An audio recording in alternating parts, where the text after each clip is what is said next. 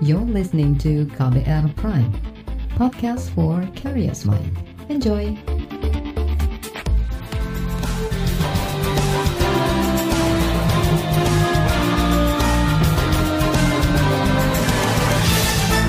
Halo selamat sore saudara, apa kabar Anda sore hari ini? Kembali KBR Sore siap untuk menjadi teman Anda. Sore ini saya mau ajak Anda untuk membahas pemerintah pusat yang berencana menaikkan tarif masuk area Candi Borobudur di Magelang, Jawa Tengah. Tarif masuk area badan candi akan dinaikkan menjadi Rp750.000 untuk turis lokal dan 100 dolar Amerika Serikat atau 1,4 juta rupiah untuk turis asing. Rencana ini diambil untuk membatasi jumlah pengunjung karena kawasan candi mengalami kerusakan serius. Namun, langkah pemerintah ini menuai kontroversi. Lantas, apa solusi agar cagar budaya seperti Borobudur tetap terjaga? Bersama saya, Reski Mesanto, kita bahas selengkapnya di KBR Sore. Saudara Menteri Koordinator Bidang Kemaritiman dan Investasi Luhut Binsar Panjaitan belakangan mengumumkan rencana kenaikan harga tiket masuk objek wisata prioritas Candi Borobudur. Tarif naik tidak tanggung-tanggung dari semula Rp50.000 menjadi Rp750.000. Luhut beralasan kenaikan tarif untuk membatasi jumlah wisatawan karena beberapa area candi rusak. Akan mengapa membatasi orang naik hanya 1.200 per hari. Dari 1.200 per hari itu kalau orang asing kita kasih 100 dolar, kalau yang dalam negeri kita kasih tadi 100 ribu, Kemudian anak sekolah tadi ada yang ngumpulin 50 ribu tapi kita khususkan dari 5 ribu rupiah. Karena biar anak sekolah itu 25 persen dari jumlah itu anak-anak sekolah kita bisa juga menikmati sana. Tapi kenapa kita lakukan itu? Karena rekomendasi dari UNESCO dan juga banyak pakar sudah terjadi penurunan Borobudur dan kemudian haus dari material. Kepala Balai Konservasi Borobudur, Wiwit Kasiati membenarkan ada berbagai kerusakan yang ditimbulkan dari membludaknya pengunjung. Namun ia tidak tahu menahu soal penetapan tiket masuk yang begitu tinggi. Terkait dengan ini, harga naik itu memang e, kalau ditarik benang merahnya memang ada keterkaitan dengan pembatasan jumlah pengunjung. Memang e, Dirjen Kebudayaan, khususnya Balai Konservasi Borobudur yang kami memang melakukan kegiatan pelestarian berdasarkan data kausan tangga maupun lantai Candi Borobudur. Kami juga mempunyai data uh, jumlah kunjungan yang semakin meningkat. Nah, jumlah kunjungan semakin meningkat ini ternyata berdampak pada keausan pada tangga naik maupun lantai candi. Data ini sudah uh, bertahun-tahun kita mempunyai data dari tahun 84 sampai sekarang ini uh, trennya naik sehingga kami berupaya untuk melakukan sesuatu. Kami juga melakukan kajian uh, kering capacity terkait dengan data keausan itu dan dan kami memperoleh angka 1.259 orang itu yang berhak untuk naik ke struktur candi Borobudur. Ini naik struktur ya mbak ya. Karena uh, kadang-kadang ini masyarakat masih masih apa memahaminya ketika tidak boleh naik ke candi itu dibayangkan juga tidak. Yang kunjungan yang di halaman tidak ada. Sementara kunjungan yang di halaman memang tetap menurut TVC uh, dengan nilai 50 ribu ya itu tetap. Cuma yang naik struktur itu akan dibatasi jumlahnya. Namun dengan harga yang beda tadi, uh, kami memang bukan di tanah kami, bukan kewenangan kami untuk uh, mengatur nilai uh, tiket. Kami lebih ke pelestarian. Wiwit mengatakan pengelola sebetulnya sudah membuat rencana pembatasan jumlah pengunjung jauh sebelum Menko Maritim mengumumkan kenaikan tarif masuk. Bahkan pihak Balai Konservasi membuat skenario agar wisata lain di sekitar Borobudur ikut terangkat meskipun dibatasi, justru pengunjung yang banyak itu kami konsepnya disebar ke kawasan, Mbak. Kami mempunyai situs-situs di kawasan cagar budaya Borobudur. Kemudian masyarakat Borobudur itu mempunyai potensi yang luar biasa. Ada 20 desa di Borobudur ini potensinya luar biasa. Potensi seni, budaya, tradisi, dan uh, wisata alam, wisata buatan itu banyak ada di sekitar Borobudur dan di keluar lagi di kawasan Magelang. Sehingga meskipun kehadiran pengun, uh, orang meskipun candinya dibatasi, mereka masih tetap akan berada di Borobudur dan akan berkunjung ke, ke kawasan. Nah ini dengan dengan berkunjung ke kawasan ini kan lama tinggal kan akan lebih dari satu hari dan nanti uh, konsepnya akan uh, dengan sistem apa online gitu ya untuk beli tiketnya. Jadi kan nanti orang akan oh jatah saya naik tanggal sekian. Kemudian oh data saya hari besok. Nah ketika sudah sampai Borobudur untuk menunggu hari besok ya hari ini ke kawasan. Nah sebenarnya konsep pemikiran kami seperti itu untuk untuk pelestarian dan uh, kesejahteraan masyarakat. Karena selama ini ketika kunjungan masih mestorism itu pengunjung hanya naik kemudian dia turun kembali ke Jogja tidak berkunjung ke kawasan. Kepala Balai Konservasi Borobudur, Wiwit Kasiati mengatakan banyak kerusakan di badan candi terjadi karena faktor kesengajaan maupun tidak kesengajaan manusia. Kerusakan yang lain ada juga Mbak di relief dan ini kerusakan ini bisa dari aspek karena cagar budaya warisan dunia ini berada di ruang terbuka. Jadi adanya panas, hujan itu terus terang memang ini juga mempengaruhi faktor kekuatan dari material itu sendiri. Jadi ada beberapa relief yang aus gitu. Sehingga dengan mengurangi jumlah kunjungan itu juga mengurangi pengunjung yang berjubel ketika melewati lorong itu dia tidak nyenggol ke relief. Kadang-kadang ada yang pegang relief, ada yang dia membawa ransel begitu ya dia pasnya menyenggol. Itu tangan itu ada juga yang pegang relief, padahal tangan itu mengandung asam, Mbak. Itu juga mempengaruhi nanti kualitas dari batu itu material itu. Kadang juga ulah vandalisme juga masih ada meskipun kita sudah sudah ada papan informasi, sudah kita sampaikan jangan memanjat, jangan nempel permen karet, jangan membuat pernyataan pada hati batu dengan spidol, tapi juga tetap masih kita ketemukan. Meskipun jumlahnya sudah berkurang ya. 10 tahun yang lalu banyak itu Mbak vandalisme tapi dengan gencarnya kami sosialisasi teman-teman di lapangan mengingatkan itu berkurang. Namun tetap aja masih ada. Saudara itu tadi Kepala Balai Konservasi Borobudur Wiwit Kasiati. Selanjutnya di KBR sore akan saya hadirkan laporan khas KBR mengenai kontroversi rencana kenaikan tarif masuk Candi Borobudur. You're listening to KBR Pride, podcast for curious mind. Enjoy!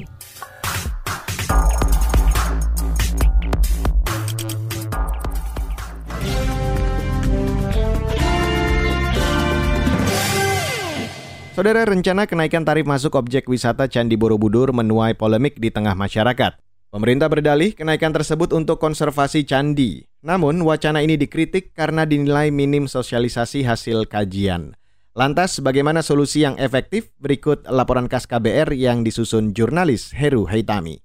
Pemerintah akan membatasi jumlah pengunjung di kawasan wisata Candi Borobudur, Jawa Tengah. Jumlah wisatawan akan ditekan hingga sebanyak 1.200 orang per hari. Menurut data Badan Pusat Statistik Kabupaten Magelang pada 2020, kunjungan wisata domestik di kawasan Candi Borobudur lebih dari 2.600 orang per hari. Menteri Koordinator Bidang Kemaritiman dan Investasi, Luhut Binsar Panjaitan menyatakan pembatasan jumlah pelancong itu dilakukan dengan penerapan kebijakan tarif baru tiket masuk Candi Borobudur. Untuk wisatawan domestik, tarif yang akan diterapkan Rp750.000 per orang, sedangkan turis mancanegara kurang lebih 1,5 juta rupiah atau 100 dolar Amerika. Luhut menyatakan rencana ini belum final karena masih akan dibahas dan diputuskan oleh Presiden Joko Widodo. Widodo. Tapi kenapa kita lakukan itu?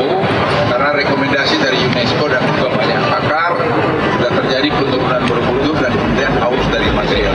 Rencana penyesuaian tarif didukung Gubernur Jawa Tengah Ganjar Pranowo. Menurutnya, rencana pembatasan dan penyesuaian tarif itu untuk menjaga konservasi lingkungan sekitar candi. Sebab kata dia, terjadi penurunan struktur tanah di sana. Ia menjelaskan tarif Rp750.000 dibebankan untuk wisatawan yang hendak naik ke bangunan Candi Borobudur. Sementara tiket masuk Candi Borobudur hanya Rp50.000. Tiket ini hanya bisa membawa masuk wisatawan sampai pelataran candi. Dalam rencana skema tarif tersebut, harga tiket untuk pelajar justru akan jauh lebih murah, yakni Rp5.000 per orang. Tak semua mendukung rencana tersebut. Ketua Generasi Pesona Indonesia, Genpi, Siti Khadijah menilai, kebijakan minim sosialisasi hasil kajian. Menurutnya, rencana kenaikan itu malah justru mengejutkan masyarakat. Jadi uh, sebetulnya langkah-langkah konservasi yang dilakukan dengan termasuk menaikkan harga ini kan satu strategi pemerintah ya untuk membatasi wisatawan yang bisa masuk.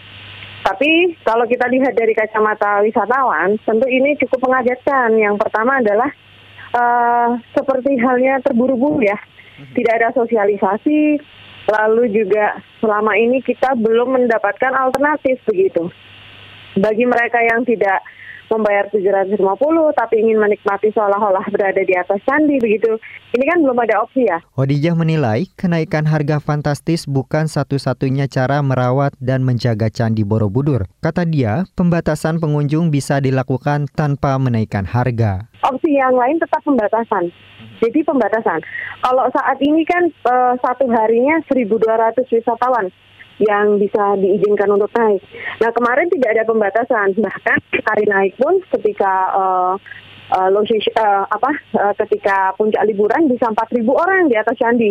Nah tentu ini akan memberikan uh, dampak yang signifikan uh, terhadap beban batu candi itu uh, pada prinsipnya sebetulnya adalah pembatasan. Nah, kenapa harga tinggi? Mungkin ini adalah strategi pembatasan yang pasti sih ini terlalu mengagetkan mungkin ya. Catatan kritis juga disampaikan pengamat kebijakan publik dari Universitas Trisakti, Trubus Rahardiansyah. Kata dia, pengunjung yang naik ke area candi seharusnya hanya berkepentingan untuk tujuan observasi dan penelitian. Itu sebab pemerintah perlu mengedukasi masyarakat terkait wacana tersebut. Disosialisasikan dulu kepada masyarakat. Jadi naik ke atas itu tujuannya satu untuk kaitan dengan pendidikan misalnya ya pendidikan dengan kebudayaan tentang sejarah wasunan nasional tentang apa namanya uh, ya kebanggaan nasional identitas macam-macam lah itu yang kaitan dengan itu apalagi yang kaitan dengan keagamaan juga misalnya. Ketimbang menaikkan tarif, Trubus menyarankan penerapan aturan dan sanksi yang tegas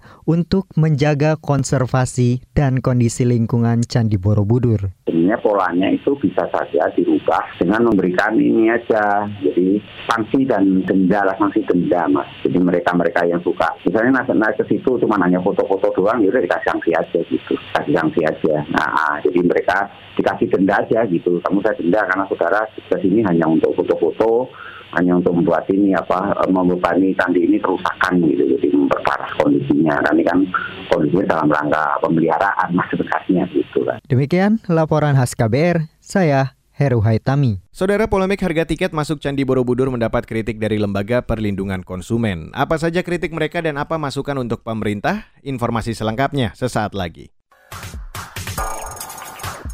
You're listening to KBR Pride, podcast for curious mind. Enjoy!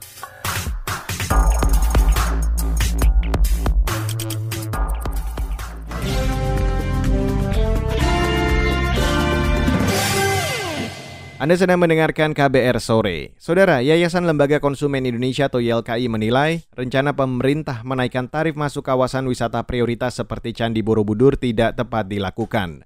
Sekretaris Pengurus YLKI Agus Suyatno mengatakan, jika tujuannya untuk melindungi tempat wisata, seharusnya pemerintah membatasi jumlah pengunjung harian dan menindak tegas pengunjung yang merusak situs budaya seperti Candi Borobudur.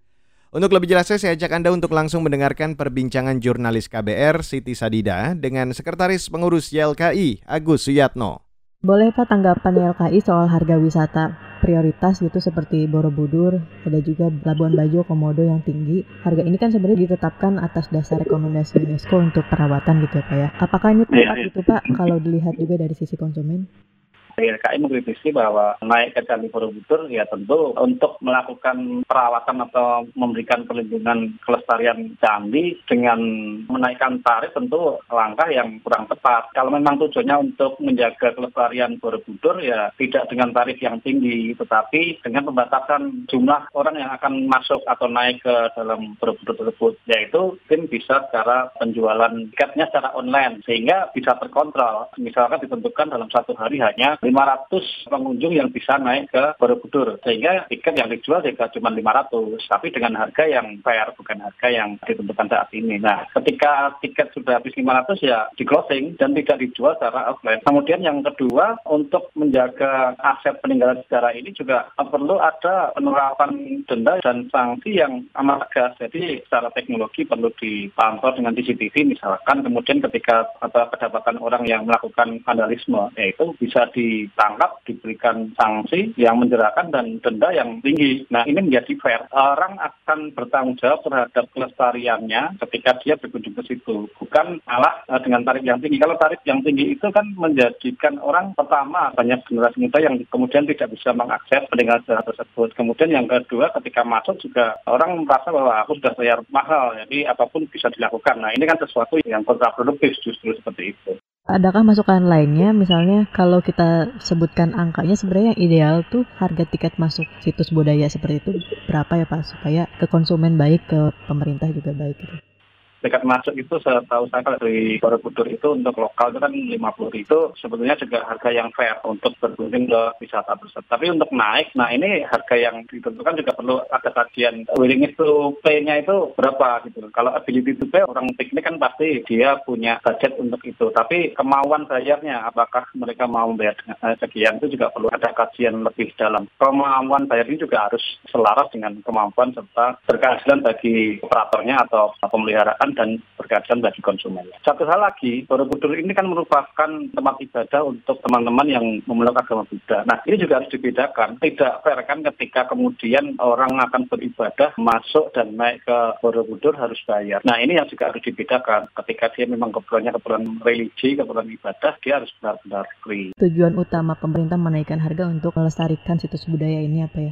Apakah dengan dimahalkannya harga ini Borobudur bisa dikatakan lebih terawat nantinya gitu Pak? Belum dapat dipastikan seperti apa nanti. Karena kalau terawatnya ya kalau ketika dengan harga yang tinggi kemudian tidak ada orang yang masuk ke dalam nah tidak ada orang yang sanggup untuk membeli tiket dengan harga yang 750 ribu pemasukan kan tidak ada. Jadi justru kan negara harus mengeluarkan banyak subsidi untuk menutup hal tersebut. Ini kan justru menjadi produktif kan? Terakhir Pak mungkin lebih umum perbandingan wisata prioritas ini gitu Pak dengan wisata yeah. biasa. Dari segi fasilitas bagaimana sih Pak menurut Bapak ketika itu berkaitan dengan wisata religi, misalkan seperti di Borobudur ini kan wisata religi, tentu kan ada hal-hal yang itu diperhatikan untuk kepentingan peribadahan. Ini yang harus diberikan layanan khusus. Sementara kalau misalkan objek wisata lain, misalkan katakanlah di Taman Mini Indonesia Indah kan sebagai objek wisata murni, tapi bukan untuk peribadatan. Nah ini kan standar pelayanan secara umumnya sama, hanya untuk tempat wisata-wisata religi yang perlu layanan khususnya. Kalau secara umum gitu Pak, masukan dari Bapak untuk perbaikan fasilitas wisata di Indonesia apa saja Pak? Kalau kita mau menggalakkan sektor pariwisata adalah terputusnya sarana transportasi publik ke tempat-tempat wisata. Lebih ideal kalau misalkan kemudian itu terintegrasi dengan public transport yang utama. Misalkan kalau kita bicara tentang Borobudur, eh, bagaimana kemudian dari bandara atau dari stasiun itu ada akses khusus yang itu melewati kan tersebut. Saudara itu tadi wawancara jurnalis KBR Siti Sadida dengan Sekretaris Pengurus YLKI Agus Suyatno. Sementara itu pembatasan pengunjung Candi Borobudur untuk menjaga kelestarian budaya juga mendapat perhatian pakar. Pemerintah dianggap abai dengan situs-situs lain yang tidak sepopuler Borobudur. Lantas apa yang harus dilakukan pemerintah? Informasi selengkapnya sesaat lagi. You're listening to KBR Pride, podcast for curious mind. Enjoy!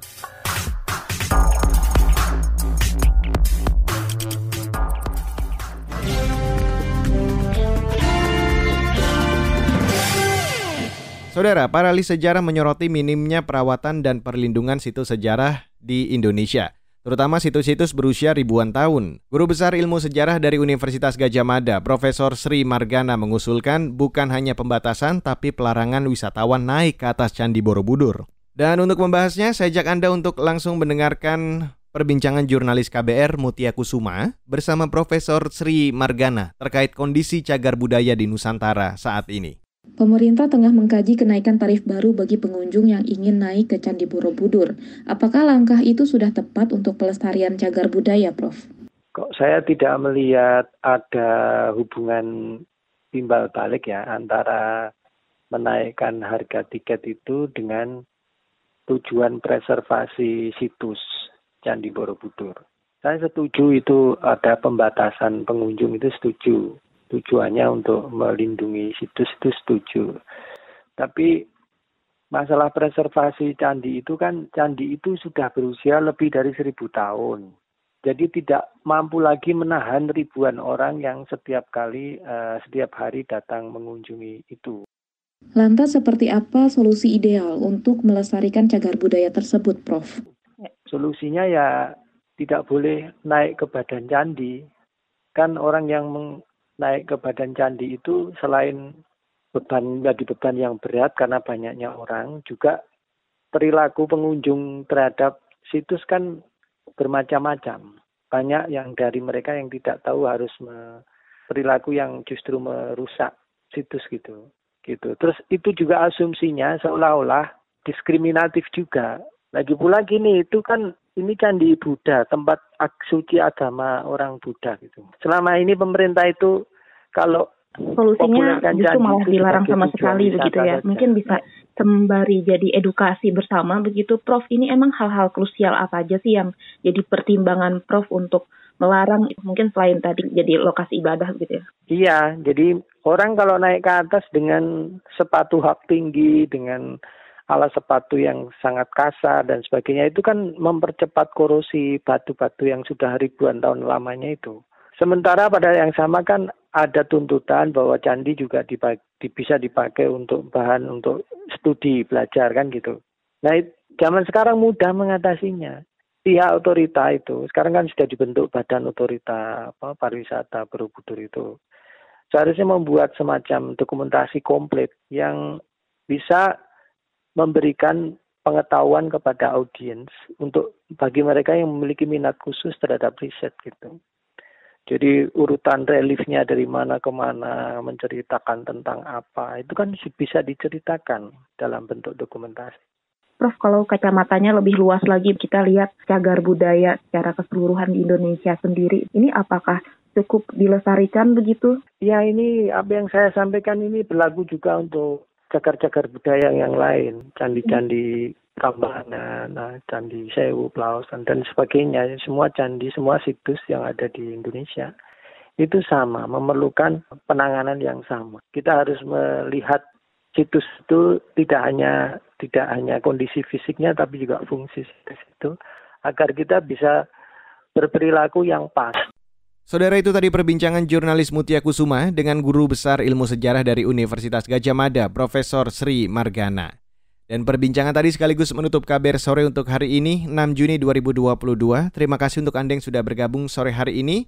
Selamat kembali menjalankan aktivitas Anda dan saya Reski Mesanto undur diri. Salam.